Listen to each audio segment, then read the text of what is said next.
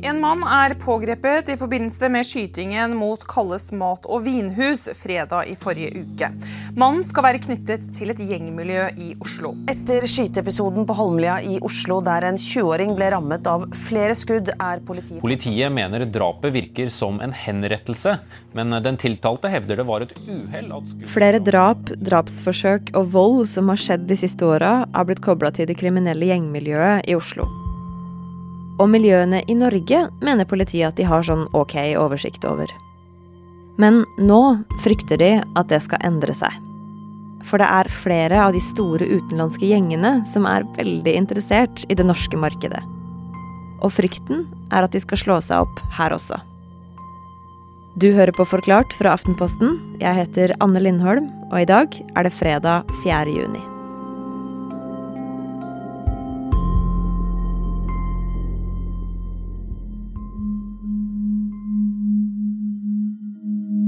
Den 10. januar i fjor sitter 21 år gamle Halil Kara på Prinsdal grill i Søndre Nordstrand med tre kompiser. Klokka er litt over elleve om kvelden, og et par av dem har vært og trent før de spiser sammen. Det de ikke veit, er at i en mørk bil utafor så sitter det to unge menn på 18 og 20 år. Og de har sittet der en stund. Og mens de to sitter i bilen, så kommer det en fyr og gir dem en pistol før han kjører av gårde igjen. Rett før midnatt så går de fire kompisene inne på gatekjøkkenet ut, og tre av dem tenner seg hver sin røyk. Og det er nå politiet mener at han eldste av de to som har sittet i bilen, går ut og skyter Halil i hodet. Skuddet går inn i tinningen, og han detter rett i bakken. De tre kompisene begynner å slåss med han som skøyt, men han kommer seg løs. Og sammen med 18-åringen fra bilen, så løper han derfra. På parkeringsplassen ved Prinsdal grill blir Halil Kara erklært død. Politiet mener at det er snakk om et planlagt drap, et gjengoppgjør og en regelrett henrettelse. Harald Stolt-Nielsen er journalist i Aftenposten, og de siste dagene så har han fulgt rettssaken etter skuddet ved Prinsdal grill. Grovt sett så er det tre personer som er tiltalt for drap eller medvirkning til drap på Halil Kara, der en av de var personen som avfyrte skuddet mot hodet. De to andre er tiltalt for medvirkning. Han som skøyt, uh, erkjenner uh, ikke straffskyld, men uh, sier at det var han som skjøt, men mener at, eller hevder at det var et uhell. De to andre mener at de var, altså forteller at de var på stedet, men at de ikke visste hva som skulle skje. Og så er det i tillegg to andre unge menn som er tiltalt for å ha hjulpet da drapsmannen med å komme seg ut av Norge i etterkant det som henger bak som et teppe i bakgrunnen, det er jo en konflikt i gjengmiljøet som tidligere er blitt omtalt som Youngbloods på Holmlia. Og Hva slags konflikt og, og miljø er det man får innblikk i gjennom eh, rettssaken her? Det viser en uh, konflikt som uh, har uh, vært mellom to miljøer som tidligere var Youngbloods. forholdsvis på da Mortensrud og Holmlia i, helt sør i Oslo. Alle disse var på et eller annet tidspunkt knytta til den samme gjengen. Men i våren 2017 så oppsto det en konflikt innad i disse miljøene som gjorde at uh, de splitta opp, og man endte opp med to fraksjoner. Den ene hovedsakelig ledet av personer uh, som politiet omtaler som albanerfraksjonen. Og den andre som uh, kommer da fra Mortensrud, som politiet omtaler som kurderfraksjonen. Uh, det politiet er veldig opptatt av å påpeke, er at disse personene har veldig geografisk tilhørighet til Holmlia og Mortensrud, men det er også personer som kommer fra andre områder av byen som også er en del av disse miljøene. Og spesielt tilgang til en hemmelig chat gjør at politiet har fått vite en del om det miljøet. Nei, i timene i forkant av drapet da, så er det jo, sendes det jo meldinger om at uh, det starter med en person som har en veldig sentral rolle i Youngbloods-miljøet, som uh, sender en melding 'Mine brødre, vi må pule familier'. Uh, hvor en uh, for politiet ukjent person svarer med 'Jeg sender opp gutt med AK og seks Gats'. Mm, og Gats og AK og noen av de ordene her, det er våpen, eller? AK mener politiet og de fleste som kjenner til disse miljøene, er våpen. Gets er patroner, sier de. For i den saken her så kom politiet seg inn i en av mobilene til de som er tiltalt, og det er her meldingene kommer fra. Og der fikk de tilgang til noe som heter VickerMe, en, en kryptert kommunikasjonsplattform. Som det viste seg at eh, flere personer som eh, politiet mener er en del av dette Youngbloods-miljøet, var aktive. Og dette er jo en kryptert uh, kommunikasjonsplattform hvor du ikke trenger å oppgi noe e-post eller telefonnummer, du oppgir kun et brukernavn. Og her mener jo politiet at de kan se hvordan de i dagene og timene før dette drapet finner sted, at de snakker om denne hendelsen. At på fredag så skal eh, noe skje, og Halil Kara ble som kjent skutt på en fredagskveld. Og i timene som fulgte også etter drapet, så ser man hvordan det politiet mener er at de forsøker å skaffe våpen, for de frykter jo da at det kan komme hevnaksjoner fra miljøet på Mortensrud. Og det med disse krypterte plattformene er noe av det politiet peker på som en av de store utfordringene når det kommer til kriminelle gjengmiljøer.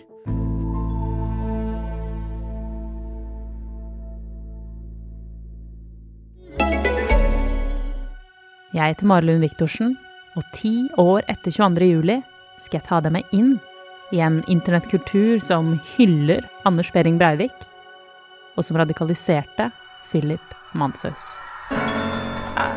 Altså, kan passe hva du vil der. Det er grovt, ass. Ah, nå får jeg skikkelig ekkel følelse i magen. Det skjedde liksom bare noen meter unna oss, da.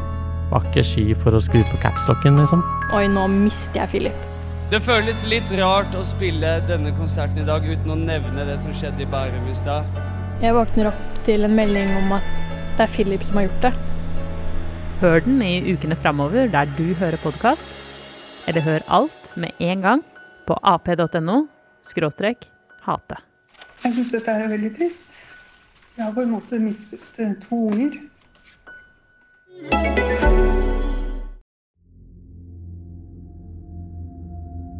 Kriminelle gjenger i Norge er ikke noe nytt.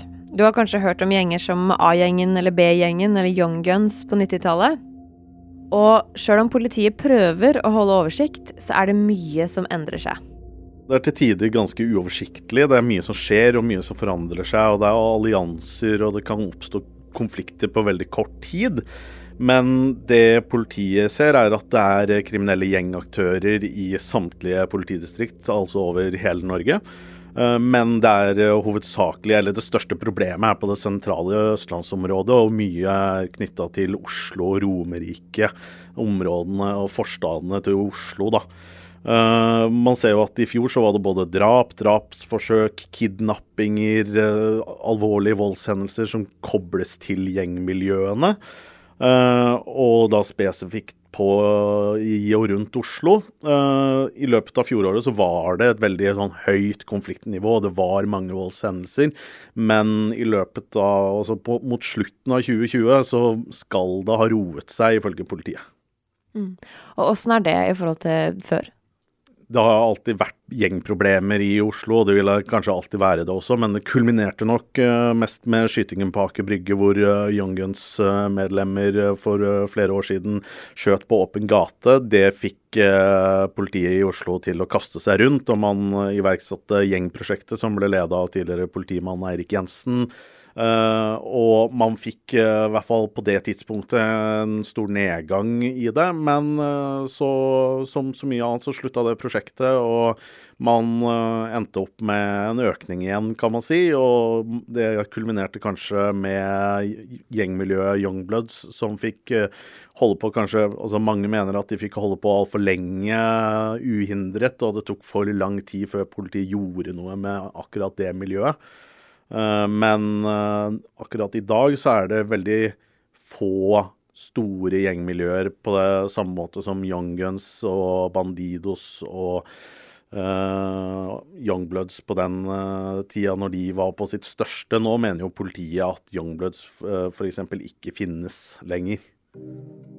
Så fra skytinga på Aker Brygge i 2006 så har det gått litt opp og ned til at det nå ikke er så mye gjengkriminalitet og ikke så mange gjenger i Norge.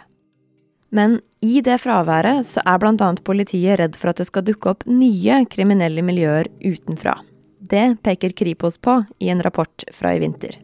En av de større utfordringene de peker på, er jo at uh, kriminelle miljøer fra utlandet, og da hovedsakelig Sverige og Danmark, ser på Norge som et veldig lukrativt marked. Vi har det er mange med mye penger og mye kjøpekraft, og det er et ganske stort uh, marked for uh, salg og omsetning av narkotika. Så Kripos sier jo allerede i dag at de har sett at eh, det er kriminelle miljøer som eh, forsøker å etablere seg eller styrke sin posisjon i Norge. Og en av de gjengene som de følger med på, er en motorsykkelgjeng i skinnjakker med gul, svart og rød logo, nemlig Satudara. Den begynte i Nederland på starten av 90-tallet. Som har etablert seg i Tyskland, i Danmark, Sverige til dels, men også i Norge, og har Eh, nå slått seg ned i tre ulike politidistrikt, bl.a. utenfor Oslo, og på Vestlandet og på Sørlandet. Så man er redd for at disse her internasjonale gjengene skal få større fotfeste i Norge, da, rett og slett? Det er en av de tingene man eh, frykter, og spesielt også fordi det er knyttet veldig mye vold til en del av disse miljøene. De tyr mye Altså, de tar mye kjappere til våpen, og det er knyttet uh, langt flere skyteepisoder og drap til en del av disse miljøene i utlandet enn det er i Norge, da. Ja, for åssen er det i, i Sverige og Danmark? Har disse gjengene mye større overtak enn det de har her? Vi kan i hvert fall si at de har uh, hatt et uh, stort problem i Sverige med en del av de kriminelle gjengene. når da fransk politi i fjor klarte å komme seg inn på den krypterte tjenesten Encrochat, så kunne de følge hvordan kriminelle kommuniserte. og der så man flere kriminelle gjenger i Sverige som brukte denne appen. Og det man så der, var at uh, man brukte denne krypterte plattformen til å selge narkotika, selge våpen. Uh, man kunne også bestille eller selge drap på enkeltpersoner. Og utover at Norge er et land med mye penger, hvor det er et marked for å selge narkotika, så er det også en annen grunn til at politiet frykter at utenlandske gjenger skal etablere seg her. For sjøl om norsk, svensk og nederlandsk politi er tre helt forskjellige organisasjoner, så trenger ikke gjenger som Satudara å søke annen jobb og melde flytting og søke visum om de flytter seg til Norge. Altså, Ingen kriminelle bryr seg om grensene. Eh, der jeg og du kanskje tar med oss passet og bryr oss veldig når vi skal eh, krysse grensa, mellom uh, Norge og Sverige og kjøre over Svinesund, så bryr ikke en kriminell seg om man selger narkotika på Grønland i Oslo, eller om det er i en av forstadene til Stockholm eller i Malmö. De bryr seg kun om profitt, og det er det som teller. Og hvis kriminelle gjenger fra utlandet skal etablere seg i Oslo f.eks., så går jo det på bekostning av kanskje eksisterende Eh, kriminelle miljøer, og det vil kunne skape konflikt. Og kriminelle gjenger løser ofte konflikt med vold, og det er jo noe av det politiet frykter vil kunne skje. Og i Sverige f.eks. så har det jo vært en ganske dramatisk utvikling. Er de redd for svenske tilstander her også? Jeg tror vi er et godt stykke unna svenske tilstander uh, i Norge, men uh, hvis man skal se til Sverige, så et av de store problemene der var at det gikk veldig kjapt. Det tok eh, gikk På under ti år så gikk Sverige fra å være et av de landene med veldig lav eh, kriminalitet og veldig lav vold, til å bli et av de få landene i EU og Europa som har en uh, utvikling hvor de ser mer vold med skytevåpen, de ser flere drap med skytevåpen. Så det handler om å, at uh, man må være føre var. For i Sverige så har man endt opp i en situasjon hvor det er ekstremt mange områder som er utsatt for gjengkriminalitet, og hvor uh, det er det man populært kaller for svenske tilstander. Så hva gjøres da for å hindre at, uh, at det skal skje i Norge? Nå mener jo politiet at mye av det de allerede har gjort, fungerer veldig godt, og at det har fått en effekt. Eh, men det, de ser fortsatt at det er interesse fra både svenske og danske kriminelle om å etablere seg og starte opp eh, business i eh, Norge. Så det handler om at norske myndigheter og politiet må gjøre Norge som et kriminelt marked så lite attraktivt som overhodet mulig.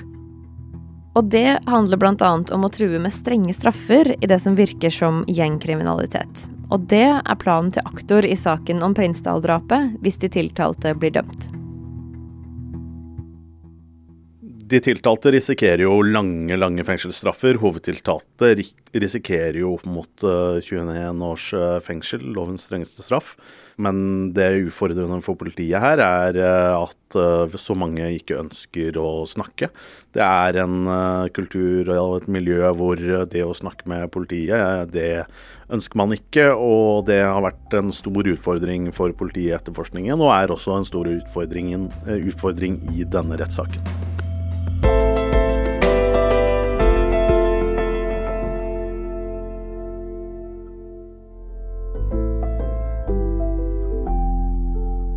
Denne episoden her er lagd av Fride Næss Nonstad, Ina Swann og meg, Anne Lindholm.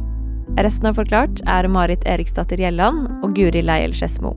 Du hørte lyd fra NRK.